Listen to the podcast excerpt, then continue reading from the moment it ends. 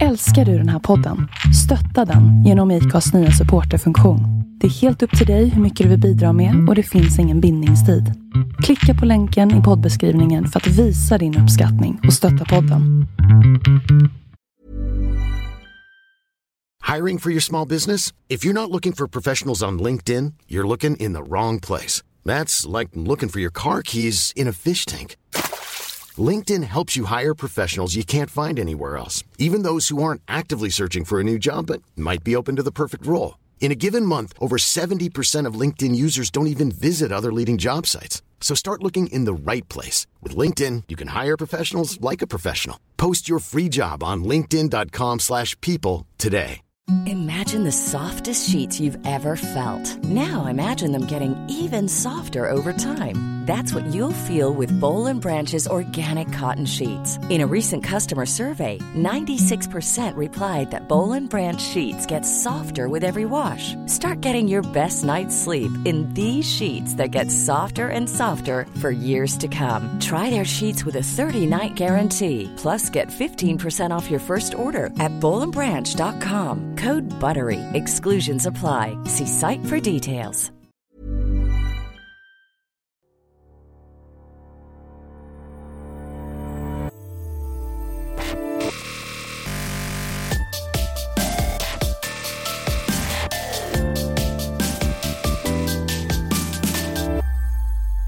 Hej och välkommen till det tolfte avsnittet av Bloggbusiness, en podcast från Better bloggers. Jag heter Linda Hörnfeldt och eh, jag bloggar till vardags på lalinda.se och eh, jag är grundare av Better bloggers. Idag ska vi få träffa Klara Lidström, eh, mer känd som Underbara Klara. Och det här är liksom ja, tillsammans med Sandra Beijer förra veckan och definitivt ingenting liksom mindre till alla mina andra fantastiska gäster. Men oh my god, vilket, eh, vilka två veckor det har varit. Det här är två av mina största bloggidoler, Sandra och Klara. De har liksom varit med mig sen, ja, alltså, sen jag började blogga så har jag läst dem. Och eh, bara två kvinnor som jag verkligen beundrar. Och jag pratade med Klara tidigare idag och det är ju som sagt alltid lite nervöst när man ska prata med någon som man har sett upp till och läst och sådär och att man är lite, lite nervös för att man ska bli besviken eller man vet inte hur personen är liksom på riktigt. Um, och det var så himla härligt att hon bara är så himla ljuvlig. um, det var ett jättehärligt samtal och jag kände att nu pratade vi nästan i en och en halv timme. Vi hade kunnat fortsätta minst lika länge till för att det just det här att prata om business och bloggbransch och sånt med någon som verkligen har gjort det här till... Hon har ju gått i bräschen för oss alla och verkligen... Hon, hon är bloggentreprenör ut i fingerspetsarna. Så att eh, lyssna på det här avsnittet och tag lärdom. Eh, I slutet så kommer hon också berätta lite grann om vad hon och Anna-Karin Nyberg ska prata om på Bibicon. Dit de kommer och eh, är huvudtalare. Så missa inte det. Och har du inte köpt din biljett än till Bibicon så tycker jag att det är hög tid för det. Eh, den 13 juni så är det dags och du kan köpa biljetterna nu på bbcon.se. Den här intervjun med Klara spelade vi in via Skype och eh, det här är en av de väldigt få gånger som jag inte har suttit ansikte mot ansikte med personen som jag intervjuar. Och eh, det, blev lite, det har blivit lite tekniskt failure. Ehm, så att det är lite så här knäppigt ljud eh, under intervjun. Men jag hoppas att ni ska kunna se förbi det och bara njuta av alla klokheter som Klara säger. Eh, men jag vill ändå bara säga det så att det är ingenting fel på din telefon eller dator eller vad det är för någonting utan det är jag som helt enkelt inte är riktigt vän med det här att spela in över internet. Eh, men jag hoppas att det känns okej i alla fall. Men nu kommer min intervju med Klara.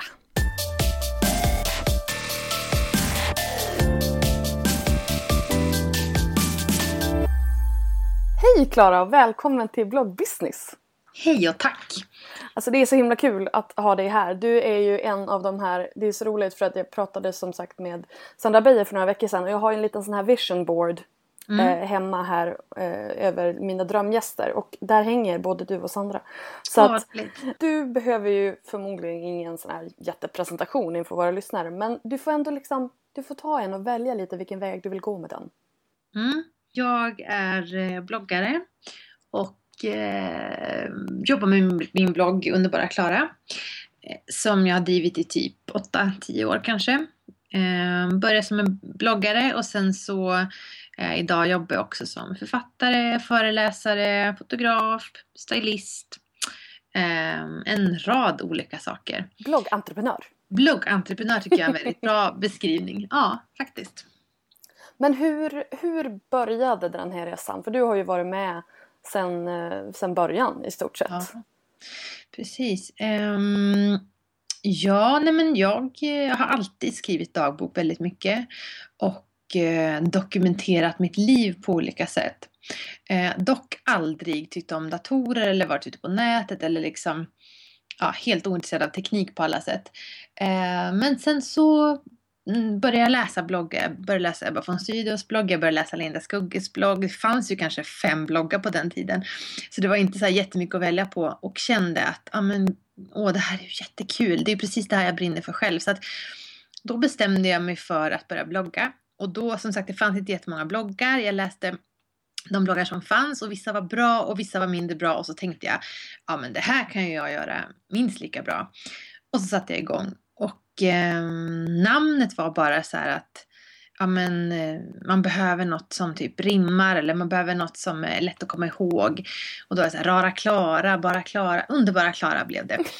eh, och det har jag ångrat många gånger för det är så himla cheesy namn. Och, eh, men också väldigt nöjd med för folk kommer ju ihåg det så att uppenbarligen har det ju funkat ändå. Det är ingen jantelag kring det, det är bara japp, nej. underbart. Bara kör. Nej, precis, nej exakt. um, ja, nej men precis. Uh, så då startade jag en blogg. Och sen i början, alltså jag kunde på riktigt inte, jag kunde inte, man visste inte vad ett USB-minne var. Jag kunde inte bifoga en fil. Jag visste inte, liksom, jag kunde inte öppna min egen, jag kunde inte starta min egen blogg. Jag kunde ingenting om datorer. Så min kille lärde mig, du vet så här, grundläggande grejer. Jag kunde inte fota heller. Jag kunde liksom ingenting sånt eh, på riktigt. Eh, ehm, jag har alltid tyckt om att skriva men jag var väl ingen så här superstjärna på att skriva heller så att allt har jag lärt mig av bloggen skulle jag säga. Det är en väldigt bra skola eh, och ett väldigt bra forum att öva sig på, både skriva och fotografera på faktiskt. Det tycker jag är så himla härligt att höra att man behöver liksom inte ha den här eh, teknikkunskapen innan utan man, det lär man sig.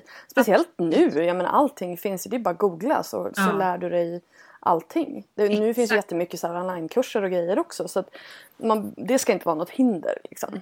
Absolut, eh, det finns så himla mycket bra eh, och mycket bättre kameror idag. Bara en mobilkamera kommer man ganska långt med. Men, men, men sen kan jag tycka att det det var en väldigt förlåtande tid på nätet. Dels kommenterar folk otroligt mycket. Jämfört med idag så kommenterar folk mer när jag hade liksom 100 läsare i veckan typ. Um, och sen så var det väldigt så här alla hade fula bilder. Alla fotade bilder med, med liksom en dålig kamera och jättesmå bilder och kapade sitt huvud. Och, Ja men du vet, och fota sig själv i en tandkrämsfläck i spegel. Och det, var liksom, det var väldigt låg nivå. Det kan, jag, det kan jag tycka är kul idag till så hög nivå. Samtidigt så är det ju säkert lite mer skrämmande att börja blogga då för att folk, många är så himla duktiga.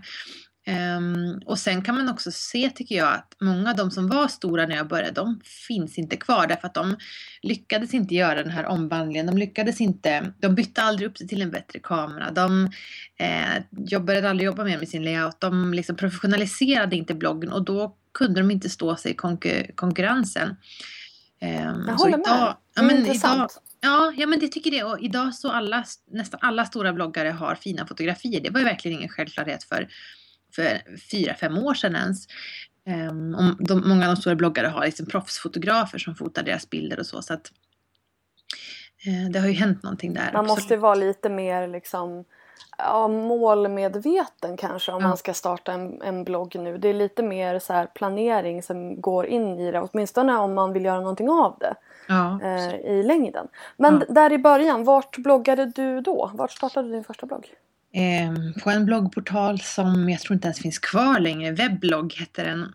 Och eh, ja men det var liksom väldigt taffligt allting. Men samtidigt kan jag känna, när jag går in och läser den där bloggen nu kan jag tycka att den är så fin på något sätt för att jag var inte lika medveten om hur saker skulle uppfattas. Jag var mycket roligare, alltså jag vågade skämta mycket mer. Idag vågar jag nästan aldrig skriva någonting med liksom humor därför att det är alltid någon som missförstår och så blir någon ledsen och kränkt och besviken. Och så. Det är väldigt, jag känner mig mer, lite mer tillrättalagd idag och det är ganska kul att läsa mina första år som bloggare där jag var mycket mer, ja, Mm.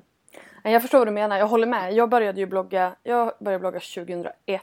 ja, Eh, och sen började jag blogga, då skrev jag på engelska ett par Just. år för att eh, ja, det, det fanns liksom inte riktigt här. Men Nej. sen 2005 började jag blogga på, på svenska. Så att jag har ju liksom varit med dig i hela den här vändan. Jag vet precis vad du refererar till när du Ja. säger alla de här grejerna. Eh, och det, det är så kul att se hur det har utvecklats. Men det är precis som du säger, man, man, får ju, man lägger till en mycket större dos eh, censur nu ja, på absolut. sig själv.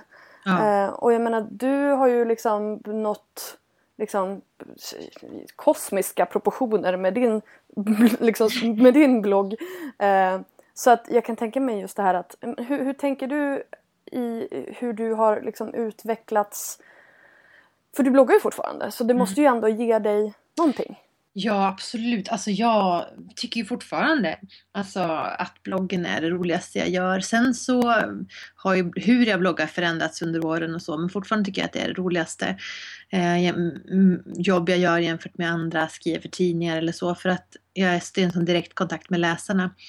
Men eh, absolut har man blivit mer tillrättalagd på ett sätt. Och också så att man vill ju ha eh, läsare. Det är kul när det är många som läser. Samtidigt som man blir mer låst av det också. Så jag menar när min blogg var mindre kunde jag beskriva Jag minns att det var en sån där brytpunkt någon gång för att jag skrev om kommer inte riktigt ihåg hur det var, men jag skrev om att jag hade varit hos tandläkaren och så hur det var och typ skrapat tandsten och fy vad jobbigt det var. Och, jag, så här, ja. och sen nästa gång jag kom till tandläkaren så bara, ja men jag såg att du, du bloggade om det förra gången typ. Eh, och då så um, vart jag väldigt så ja ja just det, nu kan jag inte, jag kan inte skriva om att jag har varit hos, den, den, eller hos en tandläkare för hon kanske läser och kanske blir ledsen eller tycker att det är kul eller du vet. Um, vad det nu än är för någonting så, så kan jag känna att det hänger ut folk så att jag blir mycket mer ja, men begränsad på ett sätt samtidigt som det är ändå värt det för att det är ju väldigt, väldigt kul att nå ut till många människor med, med det man vill nå ut med. Du har, ju, du har ju en väldig makt. Jag pratade med, eh, med Sandra om det här också. Jag läste också en artikel när ni hade pratat om det här att ni var eh, trötta på att vara förebilder. Ja, Eh, för att det, alltså vare sig ni vill eller inte så är ni ju det. Mm. Och det är ju också kanske, men hur ser du inför det? Jag vet att, jag menar jag läste ju den här artikeln och ni, var inte så jättepepp på, på den här förebildsstatusen. Men någonstans så kanske man, när, när man har den, ehm, den publiken man har, mm. Känner, känner du ändå att det, liksom, det kommer någon form av ansvar med det eller avsäger du dig det? Eh, nej men jag köper väl att alltså alla är ju förebild för någon, vare sig det är för en kompis, småsyskon eller du vet så här. Eh, men det jag vänder mig mot egentligen är inte så mycket att man är förebild utan att man eh, liksom då ställs inför en helt orimlig kravlista på vad man ska och inte ska göra och eh, eh, det blir väldigt så här Dels från, kan man känna det från vissa läsare att ha, nu skrev du sådär, nu tänker inte jag läsa din blogg längre, jag tycker inte att du är, någon jag tycker du är en dålig förebild, jag tycker du, ja men det blir väldigt mycket skam, ja, men, skammande kring liksom hur man har uttryckt sig. Ehm, det tycker jag är en sak och det kan jag ändå köpa. Jag tycker att det är jobbigt förstås till en viss del men jag kan ändå köpa det för det är mina läsare. Men sen finns det ju också den här den här förebildsoket som läggs på av de som inte är läsare utan de som är eh, liksom tyckare i allmänhet. Jag tänker, jag tänker på hur det har varit kring hela bloggosfären. Att eh, man har förfasat sig över de här unga ytliga tjejerna som bara bloggar om vad de köper för kläder. Och, Um, ja men du vet det finns väldigt mycket så här nidbilder kring oh, bloggare. Gud, jag vet. ja, och det kommer ofta från män som har en maktposition själva och inte förstår hur så här många unga tjejer kan, som bara skriver om så här oviktiga saker, kan få utrymme att uttrycka sig på. Så att det kan jag väl också störa mig på. Och, och det har jag ju råkat ut för själv extremt mycket. Det var, har ju bara blivit bättre nu, men det var ju några år där när det rasade någon slags husmorsdebatt Eh, där jag kände att jag var ganska mycket i gluggen och det handlade liksom om att eh, ja, men du målar upp ett helt sjukt ideal, du du liksom bakar bullar, du har 50-talskläder och du, du liksom bor i värsta gamla huset och du ser ut som någon stackars hemmafru från 40-talet och de här sakerna du försöker lyfta fram är så sjukt oviktiga och liksom du är ointresserad av att göra karriär och, och och då kan jag känna, liksom, för det första, det var som också omöjligt att bemöta för då kände jag så här, ja. ja men det är väl, ska jag börja? Jag tjänar ju pengar på att baka bullar. Ja, det är så hemskt att du tjänar pengar på något en annan kvinna kan tjäna pengar på. Då vände de helt plötsligt. Ja, ja precis. Det var som ett moment 22. Man kan liksom inte göra rätt. Och, eh, ja, och så visst. Ja, men jag är ju entreprenör. Jag liksom, eh, startat, har startat ett framgångsrikt företag. Så, ja, men det är ju typiskt att du bara är entreprenör inom typiskt tydliga grejer och då borde du driva något annat typ av företag eller och, Man kan liksom, inte vinna. Nej, man kan inte vinna och jag kan känna liksom, jag brukar ta det exemplet och liksom vända på det, men att om vi skulle använda den måttstocken på män så skulle ju väldigt få män duga som förebild. Jag tänker Zlatan är ju en urusel förebild. Han är eh, man och han spelar fotboll. Och det är ju eh, hemskt för att han inbillar ju andra unga män att de ska kunna göra samma sak som han. Fast det är jättesvårt att bli så rik som han på att spela fotboll. De flesta kommer aldrig tjäna ett öre på att spela fotboll. Um, om man skulle använda den logiken så, så är han liksom värdelös. Dessutom är han väldigt manligt byggd. Han ser ut som en klassisk man. Han är ganska macho han, om han liksom var lite mer feminin kanske det hade varit mer okej att han spelar fotboll. Eh, du förstår. Liksom, ja, ja, ja. ja. eh, att, men man moraliserar inte så kring män. Och man, man tror inte heller att män är dumma i huvudet som man tror att kvinnor är väldigt ofta. Man, eh, ja men ni, ni som fara för unga kvinnor, de blir så negativt påverkade. Jag tänker ofta att vi dumförklarar tjejer. Alltså jag, jag tycker att jag är ganska smarta läsare. Jag litar på att de eh, kan liksom förstå saker och inte ett helt ett offer under och liksom tror att de måste göra precis som jag gör bara för att, bara för att bara Klara gör det här måste jag göra samma sak. Jag tror att jag är intelligentare läsare än så men vi pratar om kvinnors intressen och kvinnor som att de vore lite sköra och bräckliga och de ska skyddas och de har så skadliga intressen. De gillar shopping och inredning och de vill skriva om sig själv på nätet och det är liksom ja, det är ett väldigt moraliserande och det var egentligen det jag vände mig mot också i den här eh, texten jag skrev att jag, men jag har tröttnat på, eh, säger upp mig från, från tjänsten som jourhavande förebild. Dels då från de som, som en liten grupp läsare som ställer orimliga krav på mig som person men också ett samhälle som ställer väldigt konstiga eh, krav på, på mig. Alltså preaching to the choir. Mm. Eh, här, här, känner jag verkligen att, att eh, vi, är, vi är helt på samma, samma plats och mm. när hela den här debatten har gått runt då, då har jag liksom sagt hela tiden att Klara är väl den perfekta feministen för att hon gör det hon vill för, för att hon vill göra det. Mm. Och liksom bara för att man är feminist så behöver inte det, att man, behöver inte det betyda att man ska liksom gå in i någon slags typisk mansroll. Utan Nej. det betyder väl att man ska ha friheten att göra sina egna val. Ja, jag kan känna det och det säger väldigt mycket om samhället när vi, vi, vi pratar jättemycket om kvinnor och entreprenörskap och vi ska få fler unga och fler unga kvinnor att starta företag. Och så. Men, men liksom starta inte företag om sådana oviktiga saker som bloggar utan starta liksom en bilverkstad eller starta, inte vet jag, alltså... Någon slags tekniskt multinationellt företag. Ja, exakt, exakt.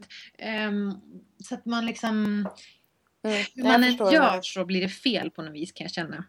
Men du, vi kommer att komma tillbaka till det här. Mm. Eh, för det här kan vi liksom go on and on hur länge som helst. Men jag vill backa bandet lite mm. grann ändå.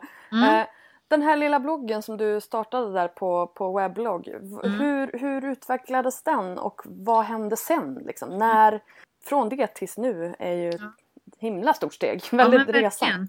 Ja, nej men det var väldigt kul därför att jag eh, fick lite så här, lite grann läsare i början, du vet, men folk som råkade hitta den av misstag. Och sen mina kompisar som började läsa den och var så där men vad kul, men du kan ju skriva Klara, men vilka, åh vilka, vad kul det är att läsa om vad det nu var. Eller vad kul det var, kul att se bilder på din, vad du har för kläder och så här. Och då var ju det ändå asfula bilder och jättedåliga texter. Men jag kände liksom att Ehm, det var väldigt kul att få bekräftelse. Det här var ju efter jag hade gått ut gymnasiet, jag kände mig ganska vilsen eh, ganska ensam från att ha gått musikgymnasiet och hållit på med min stora hobby och fått stå på scen och fått känna att jag var i ett sammanhang till att liksom eh, inte vara i ett sammanhang längre, inte känna att jag fick uttrycka vem jag var eller liksom var bra på någonting.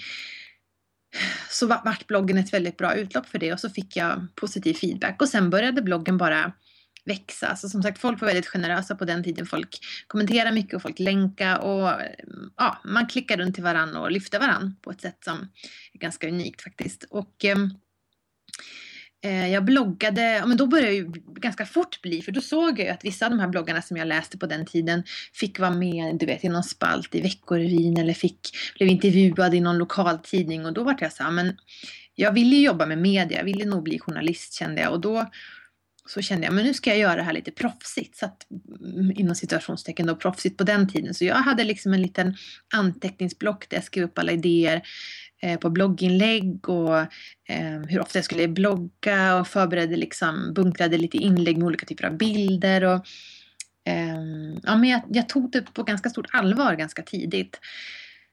Um, och lärde mig lite så här, jag hade en jättedålig kamera men lite lite grunder i Photoshop bara för att kunna så här, ljusa upp, uh, göra den lite mer tilltalande.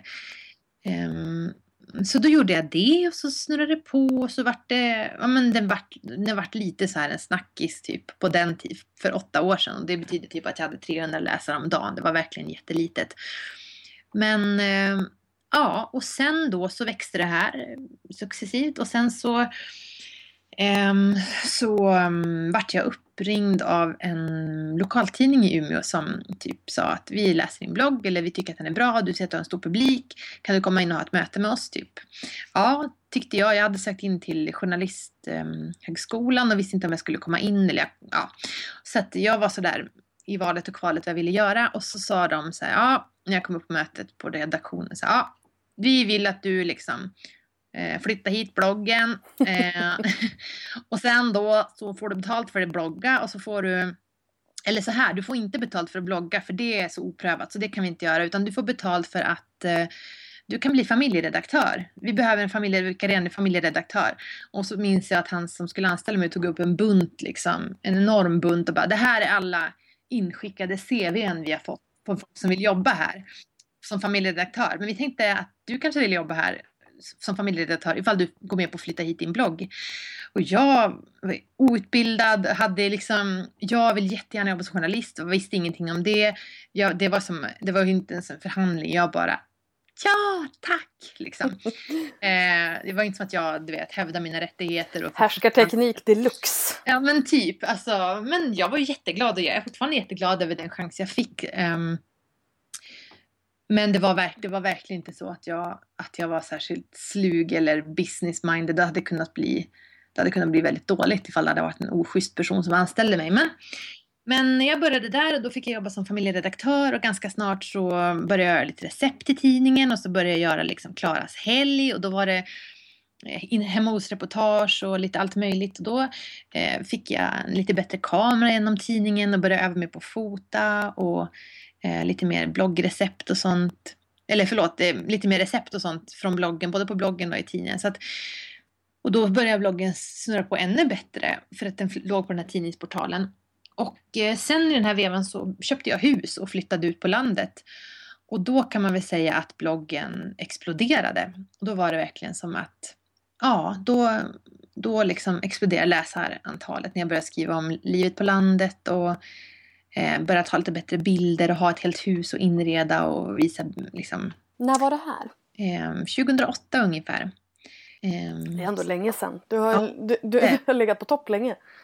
Ja, men då, det här var ju, då var, den här tiden låg jag inte på topp utan då började jag ju som långsamt klättra och få mer och mer läsare och sen så ja, men vart det att jag gjorde lite ett lokalt Västerbottensprogram som hette um, Pikant i P4 som var typ ett bak och pysselprogram som fick jättebra mm, respons. Och då fick vi göra ett program som hette Husmorsskolan i P1 som också är ett program jag är väldigt stolt över som är liksom ett program om pyssel och husmorstips och allting sånt som jag, vi sände hemifrån mig då.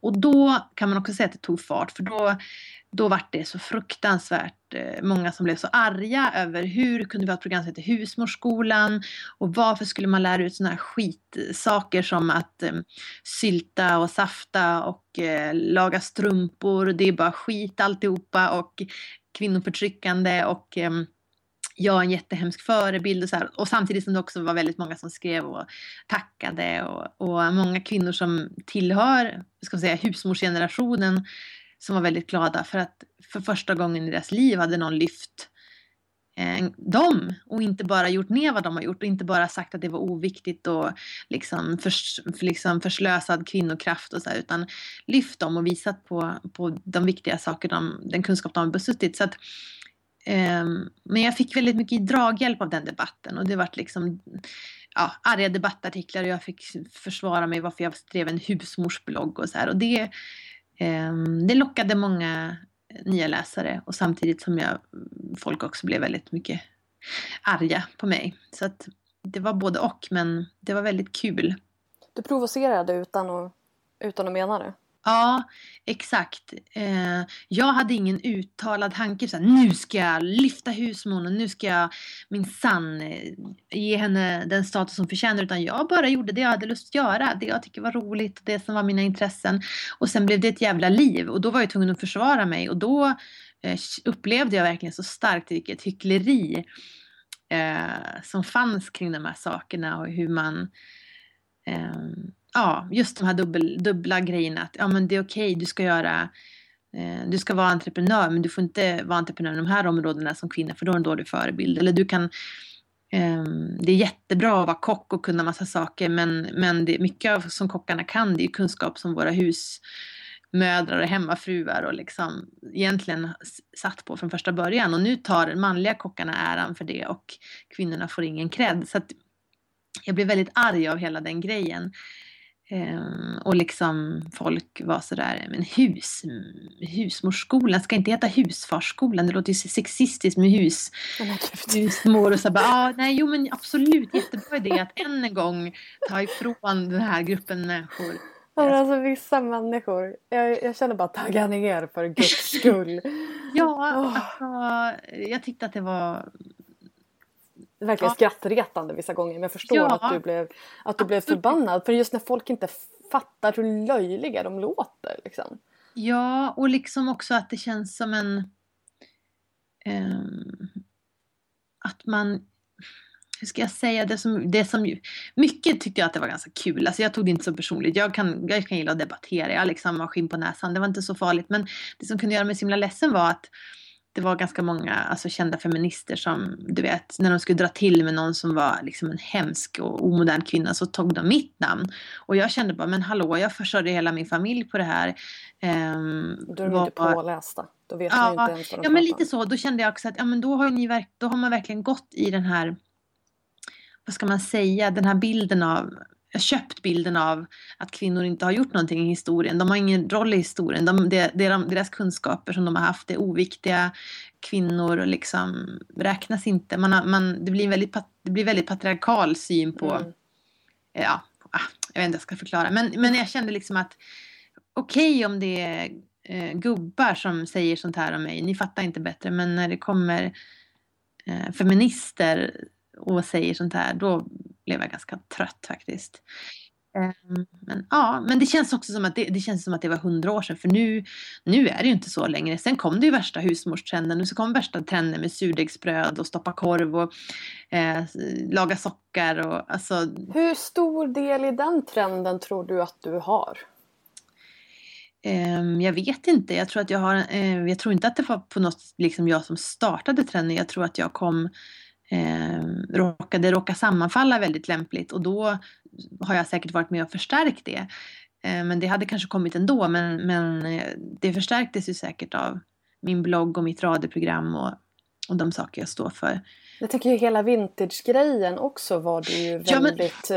Det är ju liksom- lite kul för det fanns ju som inga vintagebloggar när jag började blogga. Det fanns heller inga bloggar om livet på landet knappt. Det fanns ingen Alltså jag skrev i den blogg jag själv skulle läsa och jag minns att jag var så här, åh finns det, inte, finns det ingen annan som bloggar om att vara 20 år och köpa ett hus på landet och du vet vilja inte jobba så mycket och vilja laga sin egen, du vet, odla sin egen mat och ha djur och så här. Det fanns ju inte. Eh, det fanns ingenting utan de bloggar som fanns var ju typ Stureplansbrudar. Mm. Eh, och så är det ju inte idag. Alltså det kan jag känna. Idag är det ju, det har ju hänt någonting. Nu finns det ju massa sådana bloggar. Det finns eh, sådana personer som får synas i det offentliga rummet och prata om sina idéer och tankar. Så att det har ju hänt någonting, absolut. Alltså jag, du, du, du får vara ödmjuk och sådär. Men jag tror ju definitivt att du är eh, en, liksom, en person som har gått i bräschen för för eh, hela den, hela den livsstilen. Eller just det här att det ska vara okej. Okay. För det känns som att nu har det blivit lite så en motreaktion till den här Stureplans blogs. Eh, alla skulle hänga där och gå på coola fester och få mm. så mycket goodiebags som möjligt. Mm. Medan nu har det blivit lite mer, även i bloggvärlden, men det är väl liksom en, en trend i samhället i stort. Men jag känner ändå att bloggarna också har gått lite före där med just den här hela trenden att liksom, bo på landet, tillbaka till back to basics. Mm, mm. Ja men det kanske är så. Alltså, det är ju alltid svårt att se sin egen roll i saker och ting. Men jag hoppas att jag har inspirerat. Eller, och jag, mm, alltså, det är ju min, min, min förhoppning med allt jag gör. Det kan låta så kanske så platt och klyschigt. Men jag känner ju verkligen att allt jag skriver och det jag fotar och alltså det som driver mig hela tiden att folk ska bli inspirerade. Därför att Ehm, därför att för mig har det varit Dels är det någonting som liksom sätter guldkant på mitt liv att titta på vackra bilder och så. Men sen har jag ju, jag har ju mått jättedåligt i perioder. Jag har varit utbränd, eh, eller utbränd men ja, jag orkade inte jobba efter att min mamma hade dött så var jag väldigt deprimerad och eh, hade panikångest. Det här var ju kring 20-årsåldern och så. Och då så kan man ju absolut tycka att ja, i det läget när, någon har, när ens mamma har dött, då är det väl totalt jävla oviktigt med bullar. Fast det är precis det det inte är. Så det som hjälpte mig då när jag mådde väldigt dåligt, inte orkade göra något, det var ju att gå och köpa Lantliv, den tidningen. Eller kolla på ett avsnitt av Leila bakar eller kolla på någon fin bild på en blogg. För det, ja, det, gav, det gjorde att allting kändes lite bättre en stund och det var lite så tidsfördriv och det inspirerade också mig till att ja, men gå och baka en, en sats bullar. Då. Eh, så jag, jag tror verkligen på att att det finns någonting viktigare än att, ja, men det, man pratar ju ganska hånfullt om det och det handlar bara om att visa upp sitt perfekta liv och det är så förljuget och, och vackra tillrättalagda bilder. Fast jag vet ju av egen erfarenhet att det finns någonting som kan vara väldigt läkande i det där om man inte mår bra. Att, att konsumera eh, sådana saker och se, läsa sådana tidningar, se sådana bilder, eh, läsa sådana bloggar. Det Sen finns det Ja. Sen finns det ju de som känner tvärtom av det. Om de mår dåligt och så ser de bilder på någon annans eh, söta ungar och nybakade bullar så känner de eh, sig ännu sämre. Det handlar väl kanske inte om personlighet men för de som inte känner så, det är för dem jag skriver. De som, som känner att de blir inspirerade och får lite så här livspepp av Precis, men det där handlar ju inte om, alltså de personerna som inte blir inspirerade som du säger, det, det handlar kanske mer om deras personlighet och då hade det inte spelat någon roll om det var om det var du eller om det var ett inredningsprogram på TV eller om det var en tidning. Då är man ju bara kanske sån som... Alltså jag, det handlar ju mycket om trygghet i sig själv och i det man själv mm. gör och hur man mår och mm. sådär. Eh, men jag menar en blogg är ju precis som ett tv-program eller en tidning. Alltså det, till allra största del så är det ju underhållning. Mm. Och det är, det är så man måste se det. Man kan inte jag menar, allting som man lägger upp på nätet och på Facebook och Instagram och sådär det är ju en väldigt liten del av mm. det liv man lever. Mm. Sen så är det ju klart att man kan skriva om när man mår dåligt och sådär också men det är fortfarande liksom bara små, små inblickar i ett helt liv. Ja, jag tänker att vi är som, jag brukar säga att vi är som idag med bloggarna, så, eller med Instagram framförallt, som nästan alla har, är vi ju alla är ju som små sociala medieredaktörer för sitt eget liv. Alltså man väljer vad man vill plocka ut och vill jag skriva, vill jag skriva den här eh, härliga, skriva det härliga glossiga livet så, är, en, eh, så väljer jag som redaktör ut sånt material. Vill jag skriva fram det stökiga, snoriga småbarnslivet och liksom hur absurt och roligt det kan vara så skriver jag fram de sakerna. Det handlar inte om att något behöver vara falskt eller något är mer sant. Det handlar väl om vad man väljer att liksom lyfta fram. Och jag kan känna, alltså jag tycker att det är jättekul. Jag behöver inte alls bara läsa om folk som har fint hemma. Jag tycker att det kan vara jättekul att läsa folk som klagar på sina ouppfostrade barn och så. Men, men mycket sådana bloggar, det kräver ju ganska att man är ganska rolig. Jag tänker som Malin Wohlin är ju ett alldeles, fotbollsfrun, hon är ju ett alldeles utmärkt exempel på någon som lyckas skriva om liksom väldigt så här, snor och bristningar och eh, alla de här, vet, livets tråkigare sidor på ett väldigt roligt sätt. Då blir det ju väldigt kul. Men, men eh, så det, jag tycker inte att liksom... Det är, det är som du säger, det är tonalitet. Alltså det beror ju helt på hur man, hur man vinklar någonting och så är det ju i allting. Men mm. jag tror att just det här att bloggare har blivit så utsatta. För jag menar en, en tidning eller en tv-serie eller vad det nu kan vara för De blir ju inte eh, utsatta nej. på samma sätt som jag tror att det finns, nej, jag, Förlåt, nu avbröt jag dig. Men jag tror att det finns en otrolig elitism i det där. Alltså förut så har man behövt en eh, producent eller en redaktör eller en, en, liksom en regissör som säger du duger, du får stå på den här scenen, du får skriva den här tidningen, du, du duger för att visas upp i rutan. Och nu kan folk få en jättepublik utan att någon enda överordnad har liksom godkänt dem. De har snickrat sin egen scen och ställt sig på den. Och det är klart som fasen att det kan provocera ifall man då knappt kan stava, är 17 år, har enorma silikontuttar och jättestora ankläppar. Och man känner liksom, här har jag utbildat mig i fem år på högskola och så står du där och har liksom 150 000 läsare.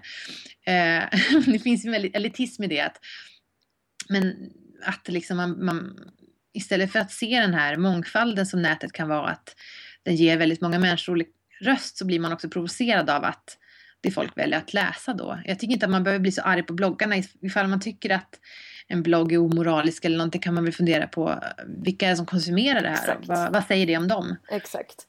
Sen, alltså nu, sen var det, det var Folkbladet du var på då va? Mm. Vad, vad hände sen? Ja, sen så eh, han som hade anställt mig på Folkbladet han bytte jobb till, till eh, Västerbottens-Kuriren som är den större lokaltidningen nu. Och då följde jag med och då tog bloggen ännu mer fart för då fick jag liksom ett, från att ha legat på, under Folkbladet med deras layout och så fick jag som ett eget domän och en egen design och eh, liksom, men lite mer en riktig, som bloggare ser ut idag, som man förväntar sig att en snygg blogg ser ut idag. Eh, och så började jag göra lite, ja, men jag började göra lite TV, jag gjorde kväll och jag gjorde liksom, ja, men mer och mer började synas, började skriva för fler tidningar, släppte en bok och så här.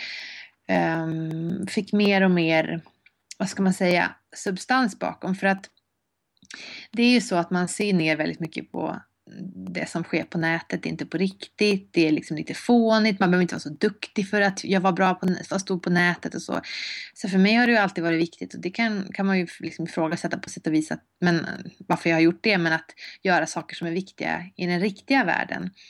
Eh, och det är så absurt för att det, det som bloggen består av för mig är ju att skriva och att fota. Och fotograf och skribent är två väldigt respekterade yrken IRL, men på, på nätet så är det liksom bara inte, inte värt någonting.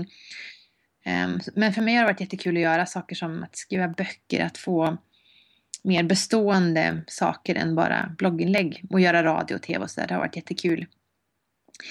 Eh, men sen så, men då bloggade jag där två år eller något sånt där och sen så um, tog mitt kontrakt slut och så skulle vi förhandla om ett nytt kontrakt och så började jag känna, ja men vad fasen, jag har blivit liksom, jag kanske, jag, vi hade inte ett företag vid den här tiden så jag, det var jättesvårt, så fort jag fick ett jobb så kunde jag inte ta betalt för det för jag visste inte hur man fakturerade och det var liksom, jag kände hela tiden att jag har, nu sitter jag, nu har jag som arbetat upp en jättestor rörelse här. Men jag vet inte vad jag ska göra med den. Jag har inget företag, jag kan liksom inte inkassera några pengar på den. Jag kan inte, jag kan inte utveckla den för jag kan ingenting om företagande. Jag har massa idéer men jag är låst i en anställning. Så då kände jag, äh, men, eh, jag kanske vill starta eget. Och det var inte helt lätt därför att jag var ju jag försörjde min familj. Vi hade köpt ett hus, visserligen ett billigt gammalt ruckel, men det var jag som var familjeförsörjare. Vi hade precis fått min första son Bertil. Och då var det inte så himla lätt att bara, nej men jag säger upp mig från en, en hyfsat välbetald anställning och startar företag. Jag har ingen aning om jag ska kunna tjäna pengar i det här företaget för jag har liksom jag, kom, jag har gått från att få betalt för att blogga några år till att inte få något för att blogga, starta en egen portal eller ligga på en egen portal och sådär. Men vad men, gjorde du då på, var du på Västerbottens-Kuriren, var du redaktör där då eller vad? Nej men då hade jag typ en stående sida i Hällbylagan och så bloggade jag och så Ja, men du fick lön av, av Västerbotten? Ja, jag hade förhandlat ja. mig till en bra lön. Det tyckte jag, alltså det måste jag säga att jag hade gjort. Men fortfarande förstod jag ju som att, att jag blev ganska begränsad. Jag hade en anställning, jag kunde inte jobba för vilka andra tidningar som helst. Jag kunde inte ta på mig hur mycket jobb som helst för jag hade ändå vissa fasta uppdrag till tidningen. Plus att, ja, sådär. Så att, mm, och då, Plus den här konkurrensgrejen. Exakt. Mm. Så då, men då var ju min tack och lov var Jakob väldigt stöttande så här att ja men det är klart du ska starta eget företag. Och ja för jag kände bara nej jag vill inte, jag vill inte, jag absolut inte hålla på med företagande, jag kan ingenting om det, jag tycker det verkar jättetråkigt och svårt. Och usch, usch, usch, när jag tänker på en företagare tänker jag på en mätt medelålders man, det är ingenting för mig så um, men då startade jag och um, det gick inte, det var inte så kul. Det vart liksom en, det vart lite jobbigt med min arbetsgivare när jag, utan att gå in för mycket i det, men när jag avbröt det samarbetet. Så att liksom jag startade från noll. Jag hade ingen dator, jag hade ingen kamerautrustning, jag hade ingen inkomst. Eh, jag hade, vi hade precis köpt en alldeles för dyr bil som vi liksom inte egentligen hade råd med. Vi hade liksom skulder, om man säger så. Eh, det var tungt det var tungt och det ja. var väldigt, väldigt, alltså, och jag hade en, en sex månaders bebis. Som jag och min man pluggade och jag skulle försöka starta det här företaget samtidigt. Alltså det var pissjobbigt. Det var, det var en otroligt tuff period och den här ekonomiska stressen. Eh, hur ska det gå? Eh, bara, att, bara att förstå liksom eh, vad ska jag starta för slags företag? Ska det vara ett aktiebolag? Ska jag, oh, hur, hur, vad, vad ska jag hitta intäkter till min blogg? Um, och jag kan, i efterhand kan jag tänka så här, vad dum jag var som inte bara flyttade över min blogg.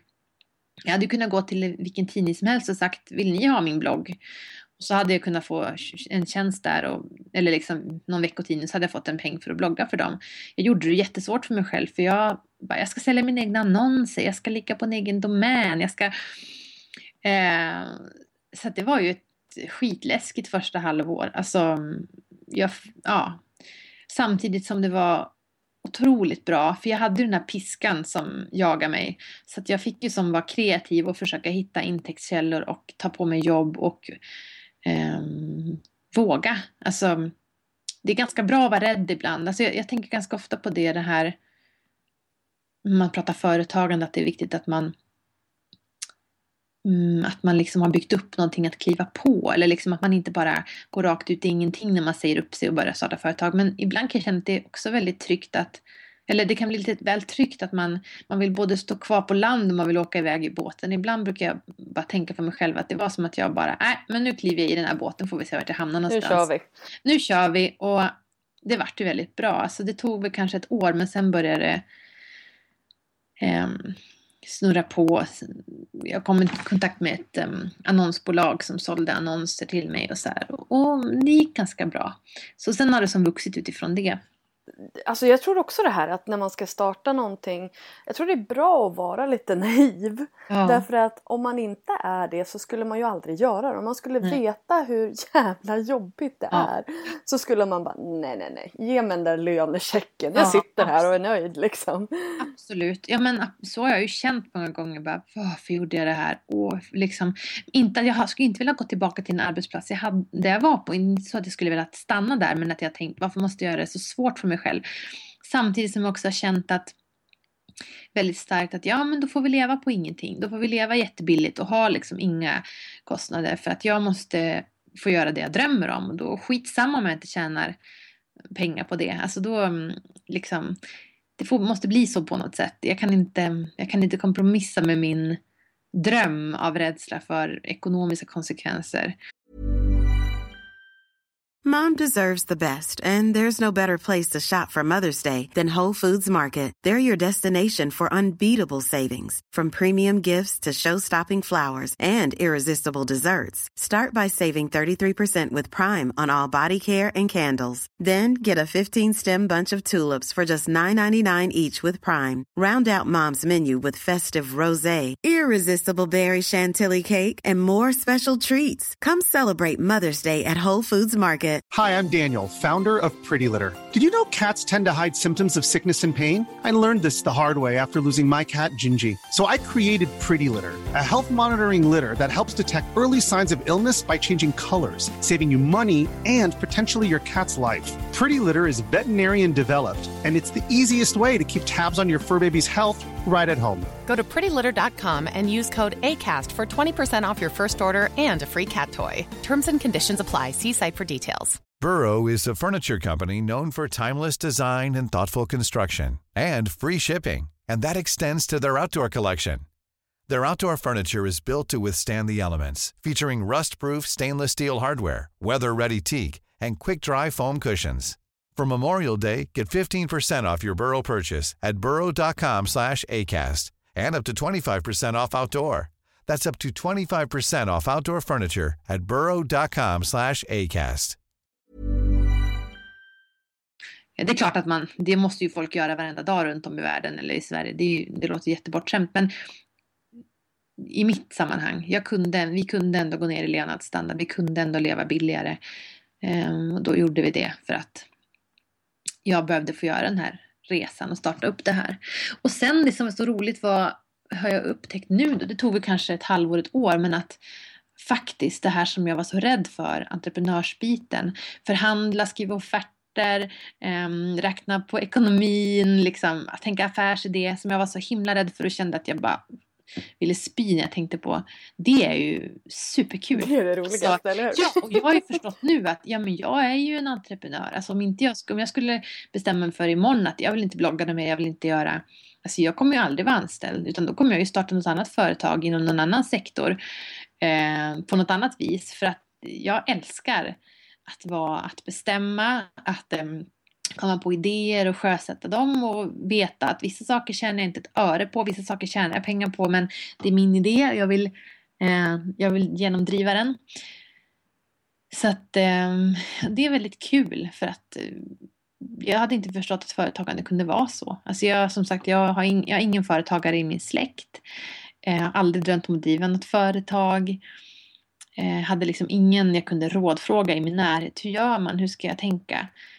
Så det var bara lära, learning by doing. Det är väl det bästa ja. sättet. Ja, oj, oj, oj. bästa sättet. Alltså jag har ju heller alltså nu drar jag bara en sån här parallell till eh, Jag är ju som webbdesigner i botten Mm. och allt jag kan om, om webbdesign och photoshop och du vet det är ju självlärt. Ja. Eh, och visst man kanske missar vissa grejer och vissa genvägar och sånt där men man har ju verkligen lärt sig det man kan. håller helt med. Ja, men det, det är väl hur, för en del passar det jättebra att liksom läsa en bok och göra det rätta vägen. Och det, det är klart att ofta kan man, som du säger, man, det är säkert vissa kunskapsluckor man har, det är det ju. Men samtidigt så um, lär man sig otroligt mycket av att göra. Alltså verkligen att bara sätta igång. Och du lär dig medan du håller på. Sätt bara en fot framför den andra och till slut så har du har du fattat hur du ska göra liksom. Till slut Eh, har du ditt imperium. Exakt. Men sen tycker jag att det har varit svårt att, alltså det är väldigt svårt att ta betalt i en bransch där, där folk tycker att det är trams som försiggår. Det är väldigt svårt att ta en betalt i en bransch där väldigt många säljer sig för ett läppglans eller ett par strumpor. Ehm, det är svårt att ta betalt när, när det inte finns någon att fråga hur man gör. Alltså, vad, ehm, vad, hur ska man tänka när man förhandlar? Vad är rimligt betalt för ett blogginlägg? Vad är rimligt betalt om jag har den här statistiken? Att det finns ju som inga riktlinjer, det finns inget fack att gå till, det finns liksom ingen man kan fråga. Hur gör man? Hur har du gjort då?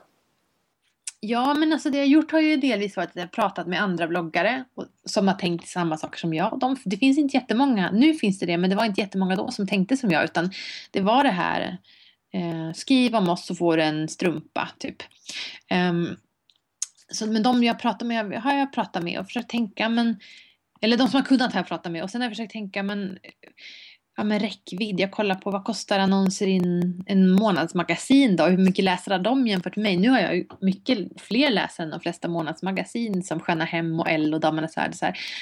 Och då, men har man mindre trafik kanske den jämförelsen inte faller ut till ens fördel. Men för mig så var det som, aha, men de tar så här mycket. Varför ska jag då sälja mig för Exakt, och det är ju liksom annonser. Ja, alltså exakt. du vet, det, det är ju regelrätta så här, ja, alltså det, jämfört med displayannonsering eller Mm. helsidesannonser. Jag menar redaktionella inlägg är ju en helt annan sak. Ja, absolut. Men det är jättesvårt och det är svårt, det är svårt att, förha- alltså, det var svårt att förhandla och veta hur gör man, alltså vem, hur ska man rent, rent psykologiskt, hur ska man göra när man förhandlar om ett pris? Hur ska man uttrycka sig i text? Hur, hur vågar man ta betalt? För mig har det väldigt mycket så här att jag har sålt mig så fruktansvärt billigt i början och liksom gjort sådana vansinnigt dåliga affärer att jag har blivit så provocerad att jag liksom till slut har av ilska drämt till med någon hög siffra och blundat när jag skickat på tryck på och de bara okej. Ja, eller hur? De har bara okej. Och då har jag förstått att jaha, okej, det är kanske jag som är inte har koll då. Men det är ju det här också att jag menar du är ju, du är ju ändå dig själv. Du säljer ju ändå dig Mm. själv på, på något vis. Alltså det, det, det du själv har producerat. Och här kommer ju jantelagen in lite grann. Och bara nej men inte ska väl jag. Mm. Eller inte väl. Jag menar skulle du sälja samma produkt fast det var någon annan som gjorde den så skulle Mm. du ta mycket mer betalt.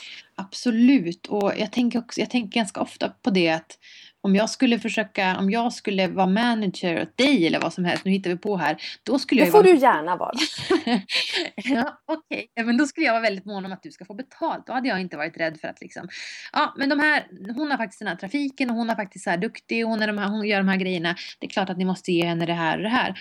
Men när det är en själv så är det väldigt svårt och jag har liksom lärt mig mycket av att tänka på att inte tänka på mitt företag som bara mig hela tiden. Jag tänker väldigt mycket på Eh, ja men jag är Klara men jag driver Underbara Klara AB som är ett produktionsbolag som gör massa olika saker. Och eh, om jag ska kunna liksom plocka ut en lön, om jag ska kunna betala min revisor så här. Jag förhandlar inte eh, för mig själv utan jag förhandlar för företaget.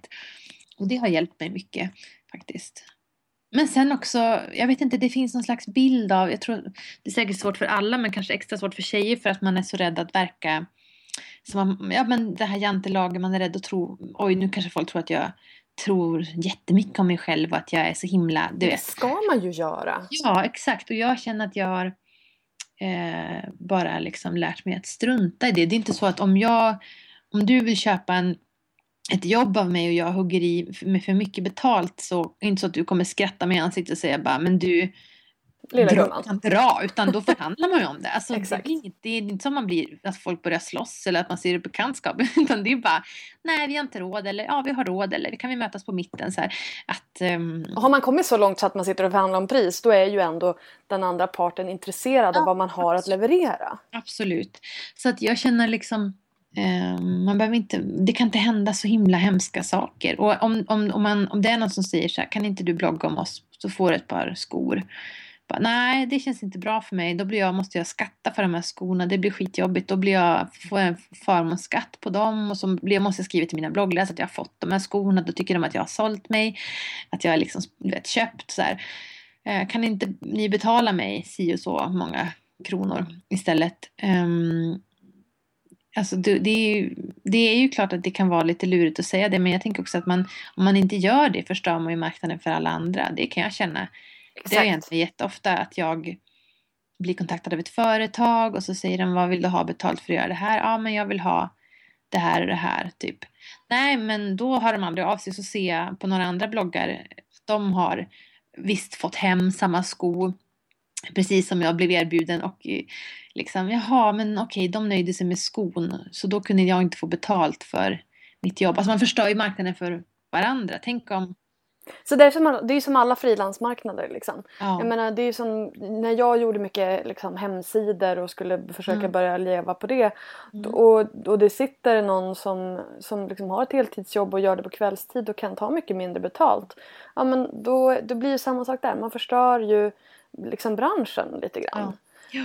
Så ja, men att man måste tänka lite, lite större än bara sig själv om man nu åtminstone vill främja en, en bra bransch. Ja. Men hur, hur ser dina samarbeten ut? Gör du redaktionella? För jag såg att du hade gjort någonting med Dove nu. Mm. Eh, så du gör ja. sådana redaktionella samarbeten?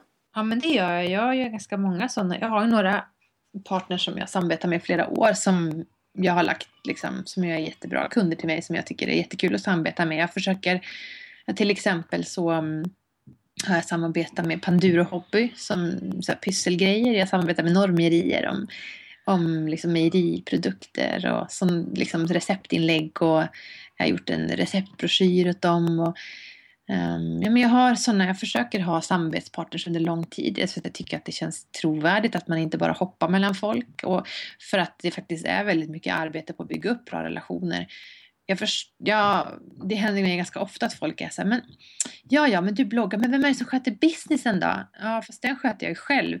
Men vem är det som tänker ut samarbetspartners eller säljer in? Ja, men det gör jag själv. Nu hjälper Amelia mig delvis med det, men det är ju inte så att jag har någon man som, eller någon, någon killpartner, för det verkar vara det man liksom funderar på. Om, om jag har någon sån som sitter och tänker ut dem, utan jag, det är ju jag som går på de här mötena och bygger relationer med liksom, mina samarbetspartners. Så att för mig betyder det väldigt mycket att ha eh, företag som jag jobbar med under lång tid som tycker att, det är, att jag står för bra saker och så, som vill synas på min blogg.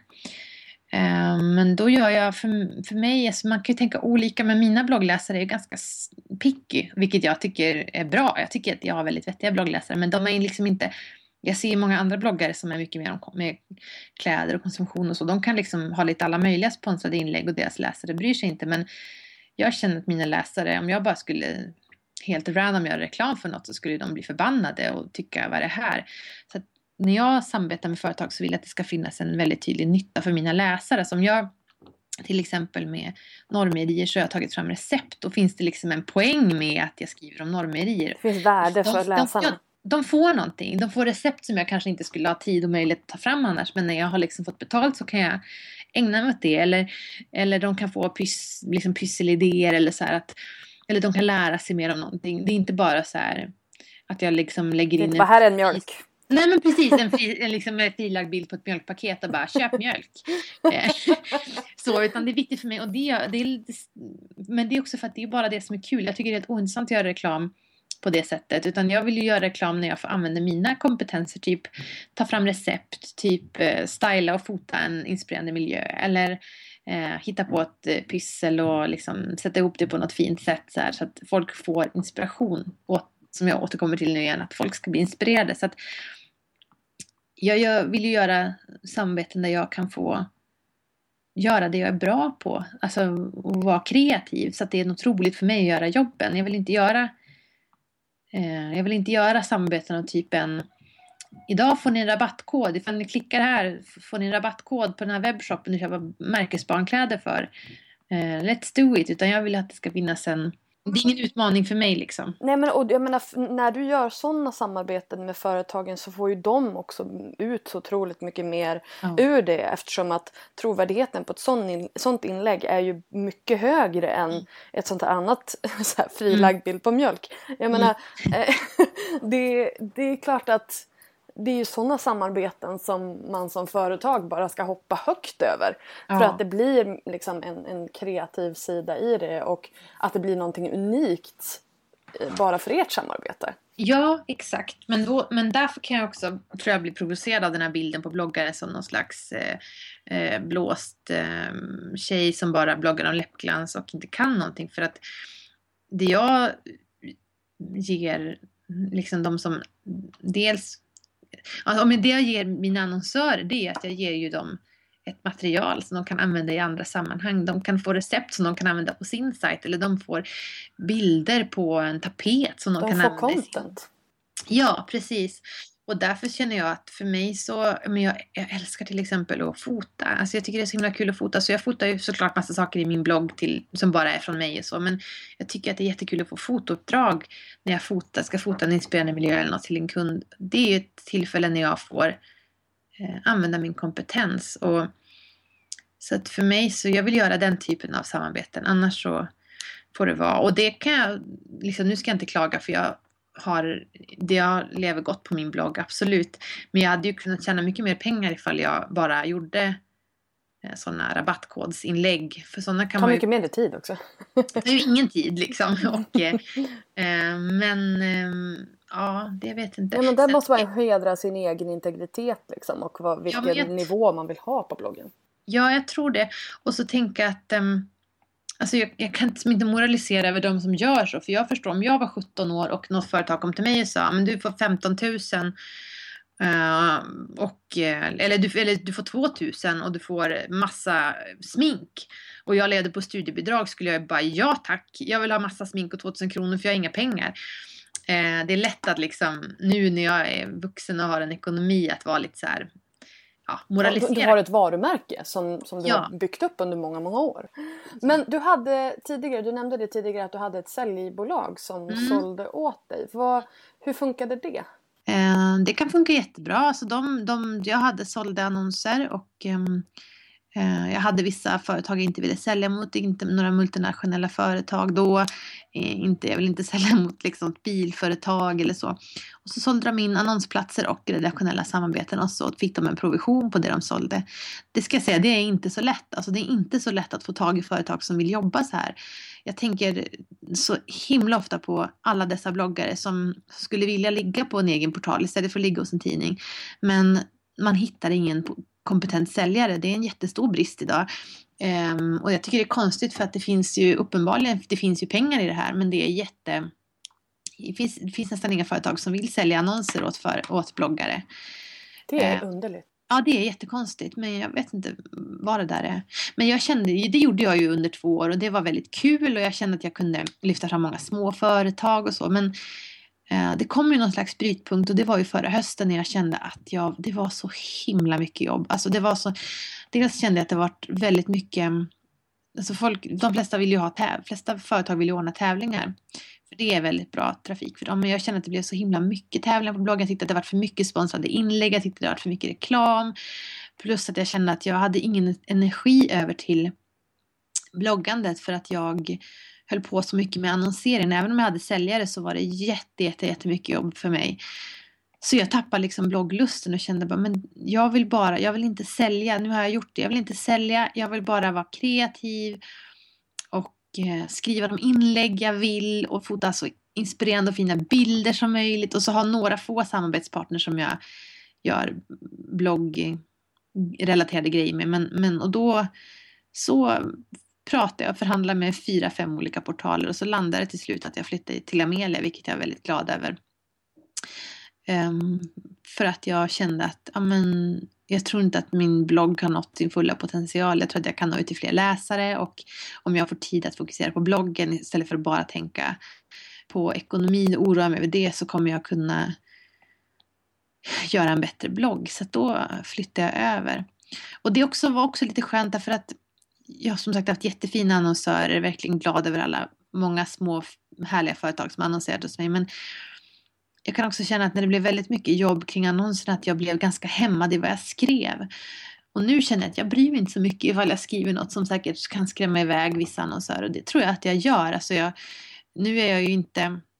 Jag tror att det finns bloggare som kan skrämma iväg annonsörer av andra anledningar. Att man är liksom homofobisk eller rasistisk eller du vet sådär. Det finns ju ett antal stora bloggare som har lite så här tvivelaktiga åsikter om, och de tror jag kan få svårt att få annonsörer. Men jag tror att jag kan få svårt att få annonsörer ibland för att jag är ju eh, inte bara skriver om, om eh, bullar och, och eh, inredning och solskensdagar. Även om många tror att i min blogg behandlar det så skriver jag om politik och eh, och eh, Men det, det är viktigt att det stämmer. Det, det, och det är väl alltid det. Alltså det är viktigt att det, att det synkar. Liksom. Ja, och jag, och jag känner så här att ja, men om det är så att för, vissa företag känner att vi kan inte ligga hos Klara för att tänk om hon eller hon är så, hon har så färgstarka åsikter eller hon liksom hon uttrycker sig så mycket i de här frågorna, det vill inte vi så här, då får det ju vara så. Jag känner ju att, att eh, min blogg, jag tror att en anledning till att min blogg har blivit stor är för att um, jag har blandat just att det inte bara är de här fina bilderna utan det är också politiska inlägg och det är också arga feministiska inlägg. Och, um, så jag skulle aldrig liksom kompromissa bort det för att sälja mer annonser eller så utan jag um, ja, jag skriver Bra. det. Jag bara heja heja. Men sen nu när du ligger hos Amelia, hur, hur får du då fast lön av dem eller hur fungerar det? Alltså jag vet inte, jag, har ju egentligen tystnadsplikt kring mitt avtal så jag kan inte säga så mycket mer än att um, det är baserat i huvudsakligen på trafik. Alltså om man har mycket läsare så får man bättre betalt, så är det. Och så tror jag att det är på de flesta portaler. Vissa har fasta löner vet jag, Ja. alltså som inte är baserade på trafik Ja, alls. och det kan väl, precis, det, kan, det vet jag vissa som har och det kan säkert vara bra om man ehm, jag tror att det kan vara bra om man inte har så mycket läsare också. Eller mycket läsare. Men alltså om man inte har jättemycket läsare kan det säkert vara skönt att ha eh, ja, men en fast lön och kunna räkna hem varje månad. Men den här arvodet får jag varje månad. Så då Det är trygghet, det beror väl lite Ja. på hur, hur mycket av en, av en liksom... gambler man är. Precis, exakt. Det var det ordet jag letade efter. Jag, jag hittade ordet player, det var fel. Ja. Eh, För det här, jag, jag får ju liksom den känslan av dig att du är ju ändå en businesswoman som liksom vill ha kontroll över hur mycket pengar du kan tjäna. För det är det jag tänker att när du låg då på och hade det här säljbolaget och låg på egen, egen portal och sådär. Alltså, var det mer fördelaktigt för dig ekonomiskt att vara egen? Eller är det bättre Eh, nu? Det hade kanske varit det om jag hade haft bättre säljare. Alltså det handlar ju, jag har haft bra säljare, haft mindre bra säljare. Har jag bra säljare så är det mer lönsamt, har jag inte det. Och det är också en stressmoment att om jag ska gå och tänka på det. Och plus, så då kände jag att då dör min kreativitet. Jag kan inte gå och tänka på pengar hela tiden för det ger inte mig ett dugg kreativ. Um, så att då, men absolut, jag är noga och jag har ju också gått, eftersom att jag var så naiv när jag började, eftersom att jag var så naiv att jag bara flyttade över min blogg eller mitt bloggarkiv och har gjort mycket sådana saker så har jag ju gått på otroliga nitar och ja, det är inget jag vill gå in på eller hänga ut någon men jag har ju verkligen gjort det. Så att nu är jag väldigt noga, jag har liksom väldigt noga med de avtal jag skriver och jag har bra jurister som hjälper mig med allt och um, duktiga personer som hjälper mig när jag ska förhandla om saker för att inte hamna där en gång till. Det, det, har, det var väl okej när jag hade en mindre blogg och det handlade om mindre pengar, det handlade om mindre prestige för mig. Men idag känner jag att eh, underbara Klara, liksom, den bloggen och så, det är jätteviktigt för mig. Och då menar jag inte ekonomiskt, då menar jag eh, det är en jätteviktig del av vem jag är och en, av min identitet och så här. Så att det är jätteviktigt att den inte kan, att någon annat företag kan ta kontroll över den eller eh, hävda äganderätt över det material jag har gjort. Så att jag, idag är jag noga med det. Jag kan tycka att, att det är lite svårt. Jag skulle vilja blogga mer om de här sakerna. Jag skulle vilja blogga mer om businessdelen av bloggandet bara för att jag, ja, men jag vill att fler ska lära sig att tänka och bli inspirerade och liksom lära sig tänka business. Ehm, men jag tycker att det är svårt därför att å ena sidan så vill många bloggläsare läsa om att det går bra och att åh, sådär. Och, och, så, och, och de vill framförallt vill, de vill att det ska gå bra. De blir peppade och de blir inspirerade själv. Och samtidigt så blir det också den här, om det får inte gå för bra för att du profiterar, du ska väl inte profitera, vad heter det, tjäna pengar på, på, på oss. Eller liksom, du, ska, du får inte sälja det för mycket. Det finns en väldigt så här, en ganska svår balansgång mellan de som tycker heja vad kul, vad grym du är och de som tycker usch vad falsk du är, usch att du säljer redaktionella inlägg och usch att du tar betalt och usch att du tjänar pengar på det här. Så att, Men lite- läs inte då och bidra. Alltså jag menar, det är så här, mm, mm, jag, jag tycker det är lite småaktigt att vara sån. Jag menar, jag, jag känner så här, så länge ditt, det du säljer, det innehållet du säljer, så länge det inte går ifrån din vanliga ton och det du skriver om i vanliga fall, Mm. så länge du är transparent mot läsarna vad som är reklam och inte.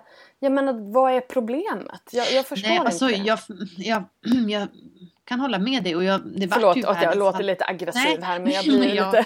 Ja, jag förstår det. Nej, men jag har ju, jag, det vart ju också världens hallaballå när jag flyttade till Amelia. Alltså folk blev, många blev ju jättearga och tyckte att det var liksom hemskt och hur tänker du nu och Mm. vilket, vilken sellout och så här. Och jag kände bara, ja fast för mig är det så här att antingen så gör jag det här eller så kommer jag inte orka blogga för jag orkar inte ligga på en egen portal och sälja egen annons, egna annonser längre. Det är för mycket jobb och det är för mycket stress. Och jag, har två, jag, jag var, när jag flyttade bloggen, det visste inte mina läsare, men då var jag gravid och tänkte hur ska det gå? Hur ska jag ens kunna vara barnledig om jag ska hålla på så här mycket med annonssäljning? Jag kommer liksom inte kunna, kommer inte kunna ha, hur ska det gå när jag får min bebis liksom?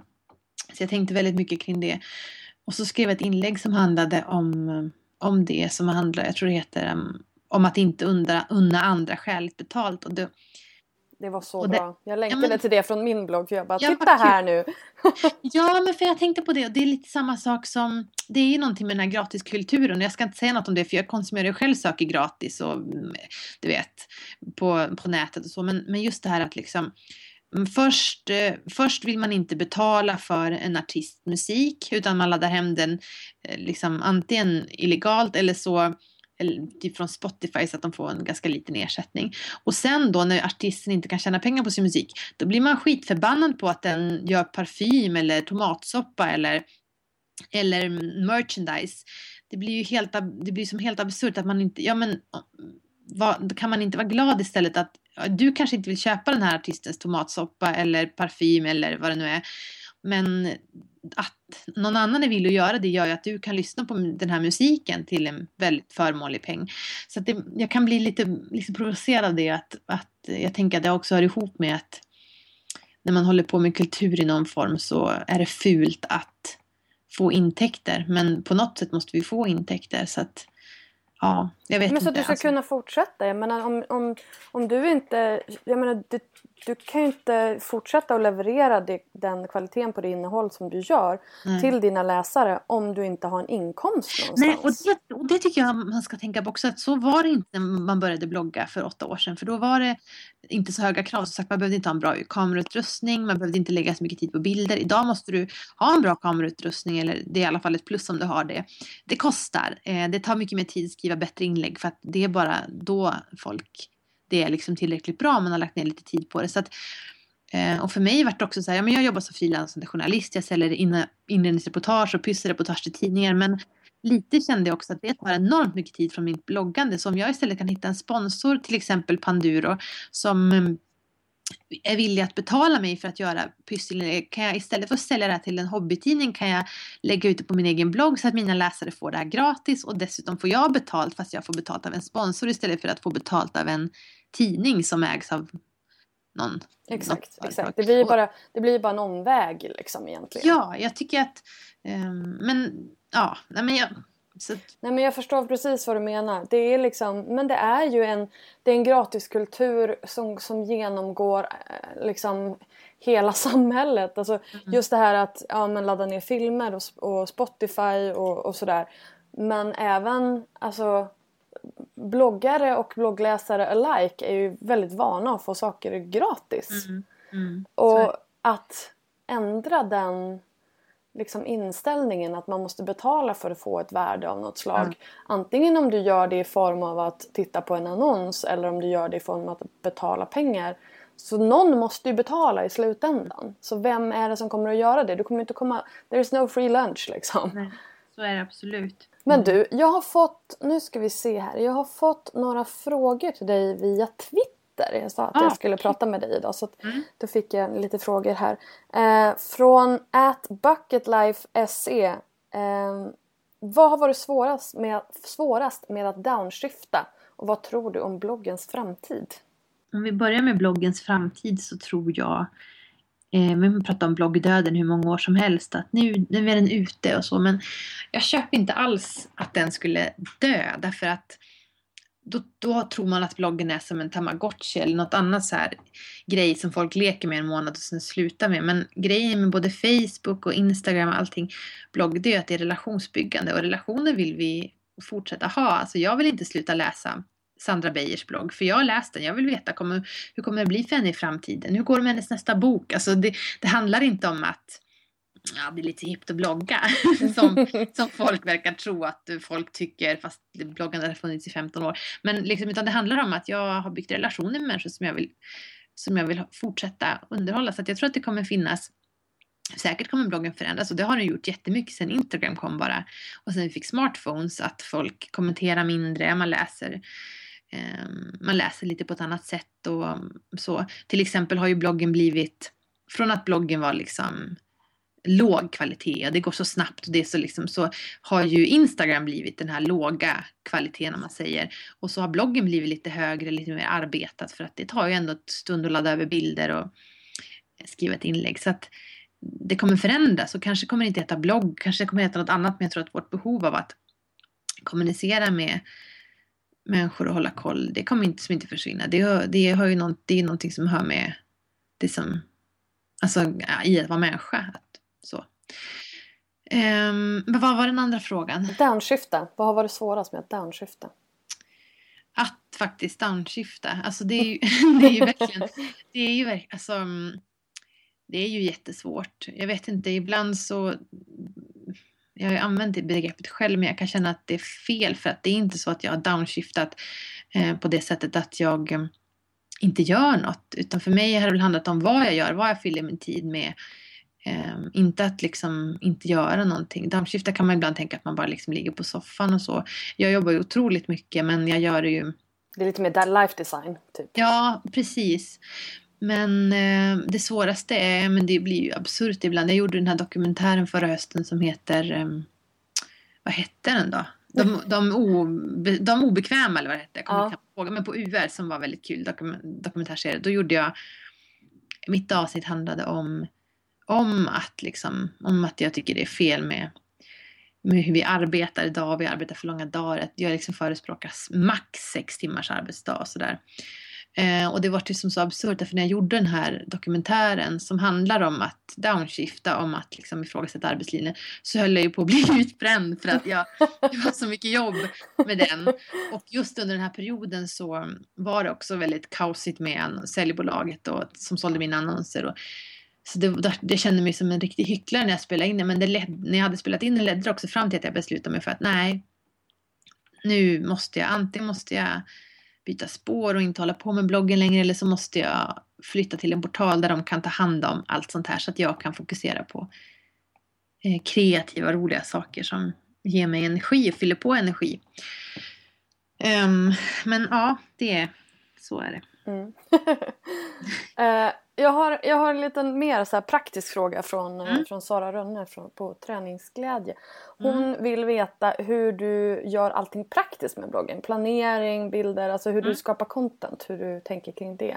Ja men precis, ja men det kan jag förklara. Jag, dels bunkrar jag material.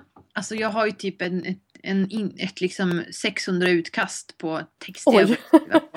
Som, nej det har varit dåligt. Jag lagt bort den eller så, nej jag får inte till det. Och så ligger de där och så ett halvår senare kan jag plocka fram samma text och ja men nu får jag till det och så slänger jag iväg det.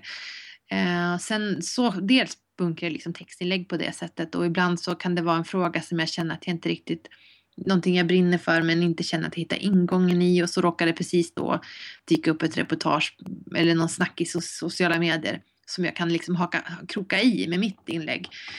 Och då kommer det passa perfekt att publicera så där, det, dels har jag ganska mycket texter liggande um, och skriver mycket på kvällar och så här, eller när jag blir förbannad. Jag skriver bäst när jag blir förbannad, så här politiska ryta ifrån inlägg. Det är inte alltid jag blir det, så det är, det är bra när jag blir lite provocerad, då har jag liksom, får jag bränsle. Men Ehm, men sen med bilder så absolut kan jag bunkra, att jag, liksom, att jag fotar lite extra. Ja, men jag, kanske, jag kanske fotar en söndag när jag är ute, ute och jobbar. Då fotar jag både plantor och jag fotar höns och jag fotar en outfitbild som jag har den dagen. Sen kanske inte jag lägger upp allting den dagen, det kanske pytsar ut under en veckas tid. Um, så kan man göra så. Men sen, jag, ibland har jag i perioden bunkrat jättemycket inlägg och så här och, och, och det är ju så tråkigt. Alltså jag tycker det är så tråkigt att publicera ett gammalt inlägg för att det jag går igång på med bloggen det är att så här, jag gör någonting som blir väldigt bra och så fotar jag det och bilden blir väldigt härlig. Så känner jag det här vill jag bara pumpa ut på en gång och få liksom, en kommentar och känna yes, där satt den. Då vill jag liksom inte vänta två veckor tills idén har svalnat och inlägget har känns, börjar kännas lite halvinaktuellt. Så här. Och då lägga ut den för då, då uteblir kicken för mig. Så att jag kan inte hålla på och bunkra inlägg, eller vad heter det? Bunkra kanske är fel ord, men du förstår, jag kan inte hålla på ha för, för, förinställa eller liksom ha Nej, men jag gör det för mycket, då tappar en jag plan. Vad sa du? Att ha en plan, alltså en, en, en sån här publiceringsplan. Att ja, men på tisdagar då lägger jag ut recept, på torsdagar då lägger jag ut så här. Funkar inte. För jag har så mycket sånt i mitt andra jobb ändå, mycket deadlines. Så det måste, det måste falla sig naturligt. Um, men, um, men däremot så märker jag ändå att det finns någon slags kontinuitet i hur ofta det kommer textinlägg som är lite mer antingen arga eller lite mer så resonerande om saker som är viktigt på riktigt för mig. Och då ska jag väl säga kanske att två tredjedelar av min blogg är eh, fina bilder och eh, inspirerande recept och liksom alltså pepp och glädje och vackra saker och så. Och en tredjedel är Ehm, texter som eh, lite problematiserar. Dels kan det vara eh, om politiska frågor eller saker som gör mig förbannad men det kan också handla om ja men det kan vara ett inlägg till exempel om entreprenörskap eller så. Um, och det tycker jag är intressant. Nu är jag ganska ointresserad av att kolla statistik för enskilda blogginlägg och så för att även det känns som att det är väldigt dödande för kreativiteten. Men jag märker ju att de inlägg som drar mest nya läsare till mig och som som engagerar folk mest, det är ju de här säkert som folk kan uppleva provocerande inläggen. Så att jag tror det är de som får jag, spridning. Ja, det är det. Alltså, man del, och då får de ju spridning både för att folk blir förbannade och för att folk håller med. Um, så, så att, uh, det är liksom det här tvegade svärdet. Ja, exakt. Um, så att, men uh, ja, så det tror jag är en viktig ingrediens i min, i min blogg. Men om man inte läser min blogg så ofta så går man in och tittar på den bara någon gång ibland så blir man säkert jätteprovocerad för att det är så... Jag tror folk att du är arg hela tiden. Ja. det är då man kommer in, det är då man får liksom de här ja, men så kan det säkert vara. Så kan det vara. Antingen kommer man in och ser de här politiska inläggen och blir skitförbannad för att man tycker att det bara är så himla så. Eller, så, eller så kommer man in ibland och bara ser det här fina och eh, tycker att det här var väl den, typ den mest ytliga blogg som så Du kan inte vinna. Nej, det är lite så. Men, men eh, jag känner också att jag skriver inte för alla. Alltså jag skriver för mina läsare som, som jag tycker om. Och sen så kommer det alltid in, när jag skriver politiska inlägg, så kommer det alltid in, då, kommer, då märker man att det kommer in nya läsare för att då länkar folk på sina Facebook och delar artikeln och då kommer det folk som inte alls är bekant med kulturen på min blogg och hur man skriver till varandra så, utan mycket killar är det som kommenterar då. Det är ganska sällan killar som kommenterar i övrigt och mycket liksom personangrepp och eh, fula ord och sånt. Um, Tar du bort sådana kommentarer? Låter du allting ligga kvar? det är lite olika. Ibland tar jag bort, ibland blir jag bara tvärless och raderar och blockar dem för all framtid och ibland så får det stå. Um, jag tar inte illa upp. Alltså när jag skriver så debatterande inlägg och med mycket åsikter så blir jag liksom inte ledsen om någonting inte håller med mig. Hela poängen är att starta en debatt. Inte så att jag är bara, jag ska provocera för, för sakens skull. Inte så, utan att jag skriver om någonting jag, jag tror på. Så kanske jag måste hårdra det ibland för att poängen ska gå fram. Eh, så jag, då blir jag ju glad att folk tycker olika saker och debatterar så. Det tar jag som inte illa upp utan det jag kan tycka är jobbigt med kommentarer är väl mer typ eh, om jag skrivit ett inlägg med mm, någonting helt annat som inte är ett dugg provocerande och så får man värsta smockan av någon. Det kan vara jättejobbigt. Mm. För de är inte, de är inte liksom förberedd Nej, på samma ex sätt. Exakt. Hur känner du inför liksom, jag menar nu bor ju du uppe i skogen, höll jag på att säga. Mm. Eh, jag är själv från Övik så att jag har ju... Oj, oj, oj, nu är det mat. jag kommer strax, ni kan gå och äta, jag kommer sen. Förlåt. det är lugnt. Uh, nej men jag är själv från, från Övik uh, och har ja. bott i Umeå också. Och du bor väl där utanför någonstans? Ja, uh, hur, hur, känner du med liksom så här blogggemenskap och sådär? För du kanske inte hänger med andra bloggare så mycket. Nej. Um, nej men jag känner ju inte att jag tillhör någon direkt blogggemenskap. Fast det finns ju ett gäng bloggare, bland annat med folk som jag haft kontakt med till och från. Um, som jag ändå tycker är i, i bloggvärlden skulle jag betrakta dem som mina bloggvänner. Jag, liksom, jag skulle försvara dem ifall någon sa något. Men Sandra är en sån 9-5, är en sån bloggare som jag liksom eh, det finns några sådana bloggare som jag känner, det är inte så att vi är kompisar men vi träffas ibland om man något event eller någonting så. Och folk som man vet att man kanske har mycket, ja, vissa värderingar gemensamt med så. Men jag, jag, ja, jag tillhör ju inte direkt något nätverk så. Men vad känner du, kan du känna att det liksom blir ensamt eller funkar det bra för dig? Hur, hur. För just det här när du, när du har såna här funderingar som du säger ja. att eh, ja, men vad man ska ta betalt eller bara vad, vad som helst inom det är ju Mm. ganska mycket unika grejer som Mm. man som bloggare behöver tampas med. Jo, det är det ju. Eh, nej, alltså ensam känner jag mig nästan aldrig. Jag gillar att vara själv. Jag är mycket så här, jag gillar att Eh, göra min egen grej och så. Men däremot så jag har ju folk och det är de här personerna, de kan jag mejla och fråga prissättning eller hur ska jag tänka eller vad, vad tycker du om det här förslaget? Och, alltså man kan hjälpa varandra och försöka tänka och försöka göra varandra bättre och försöka hjälpa till, hjälpa till att professionalisera den här hobbyn som det egentligen varit för oss alla. Eh, så jag känner att jag har folk som jag kan be om råd, absolut. Och jag har också eh, folk jag peppar lite extra och mejlar med ibland och så här. Så jag känner mig inte ensam. Men sen tänker jag också att folk för nu har ju alla Instagram och det är ju så fort man har lite fler läsare på Instagram så kan man nog väldigt lätt identifiera sig med hur det är att vara bloggare. Jag känner att jag att väldigt många av mina kompisar som, som har liksom Instagramkonton nu eh, fattar väldigt bra när jag är irriterad över något. Så, så Det är liksom tur i oturen. ja, ja, men någonstans så har vi så är det mer utbrett nu. Alltså, det var ju många som bloggade också, det finns fortfarande många som bloggar men Instagram är så otroligt mycket mer utbrett och många har nog upplevt hur det är att bli missförstådd där eller hur det är när någon säger någon konstig kommentar. Så att, så att det finns ju folk att hämta stöd ifrån om man säger. Och nu eh, ska du komma och, och föreläsa på Bibicon. Mm. Vilket jag tycker är, ska bli skitkul. Du var verkligen så här. Du och Anna-Karin stod ju högst upp på min eh, önskelista. Ja, vad roligt. Eh, så det var så himla kul när ni sa ja. För jag tror verkligen Ja. att ni har otroligt mycket bra saker att dela med er Ja. av. Eh, kan du inte berätta, ge en liten teaser på vad, vad Mm. ni ska prata om? Ehm, ja, men det som är så himla kul när jag och Anna-Karin föreläser är att vi har två helt olika perspektiv. Anna-Karin är ju superakademisk, supersmart forskare som har liksom tittat på sådana som är utifrån och liksom studerat våra beteendemönster och vad håller de på med och skrivit liksom avhandlingar om, om folk som mig.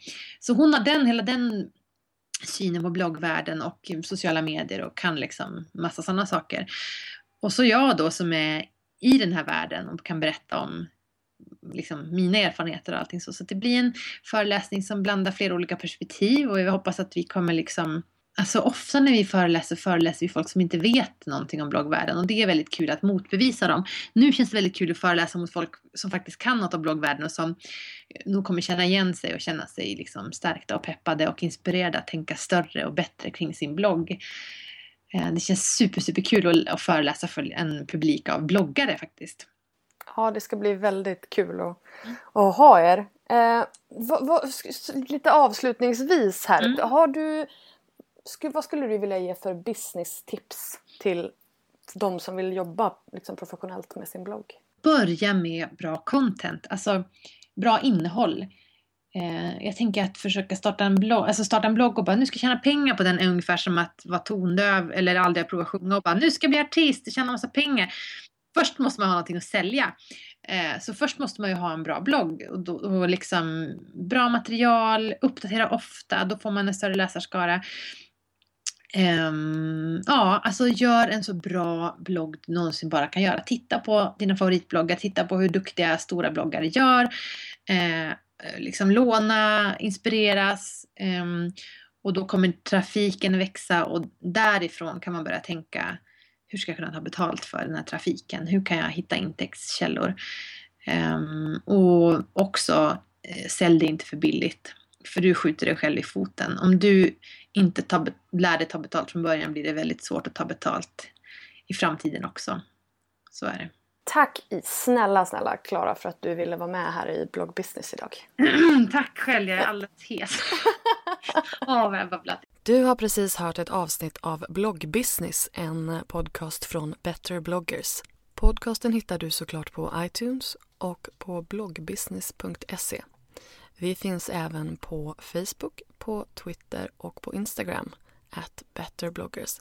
Lämna gärna en kommentar med vad du tyckte om intervjun eller kanske lämna ett önskemål om en framtida gäst.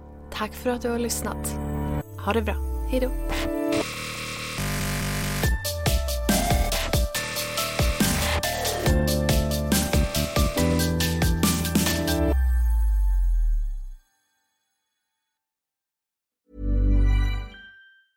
Mom deserves the best, and there's no better place to shop for Mother's Day than Whole Foods Market. They're your destination for unbeatable savings, from premium gifts to show-stopping flowers and irresistible desserts. Start by saving 33% with Prime on all body care and candles. Then get a 15-stem bunch of tulips for just $9.99 each with Prime. Round out Mom's menu with festive rosé, irresistible berry chantilly cake, and more special treats. Come celebrate Mother's Day at Whole Foods Market.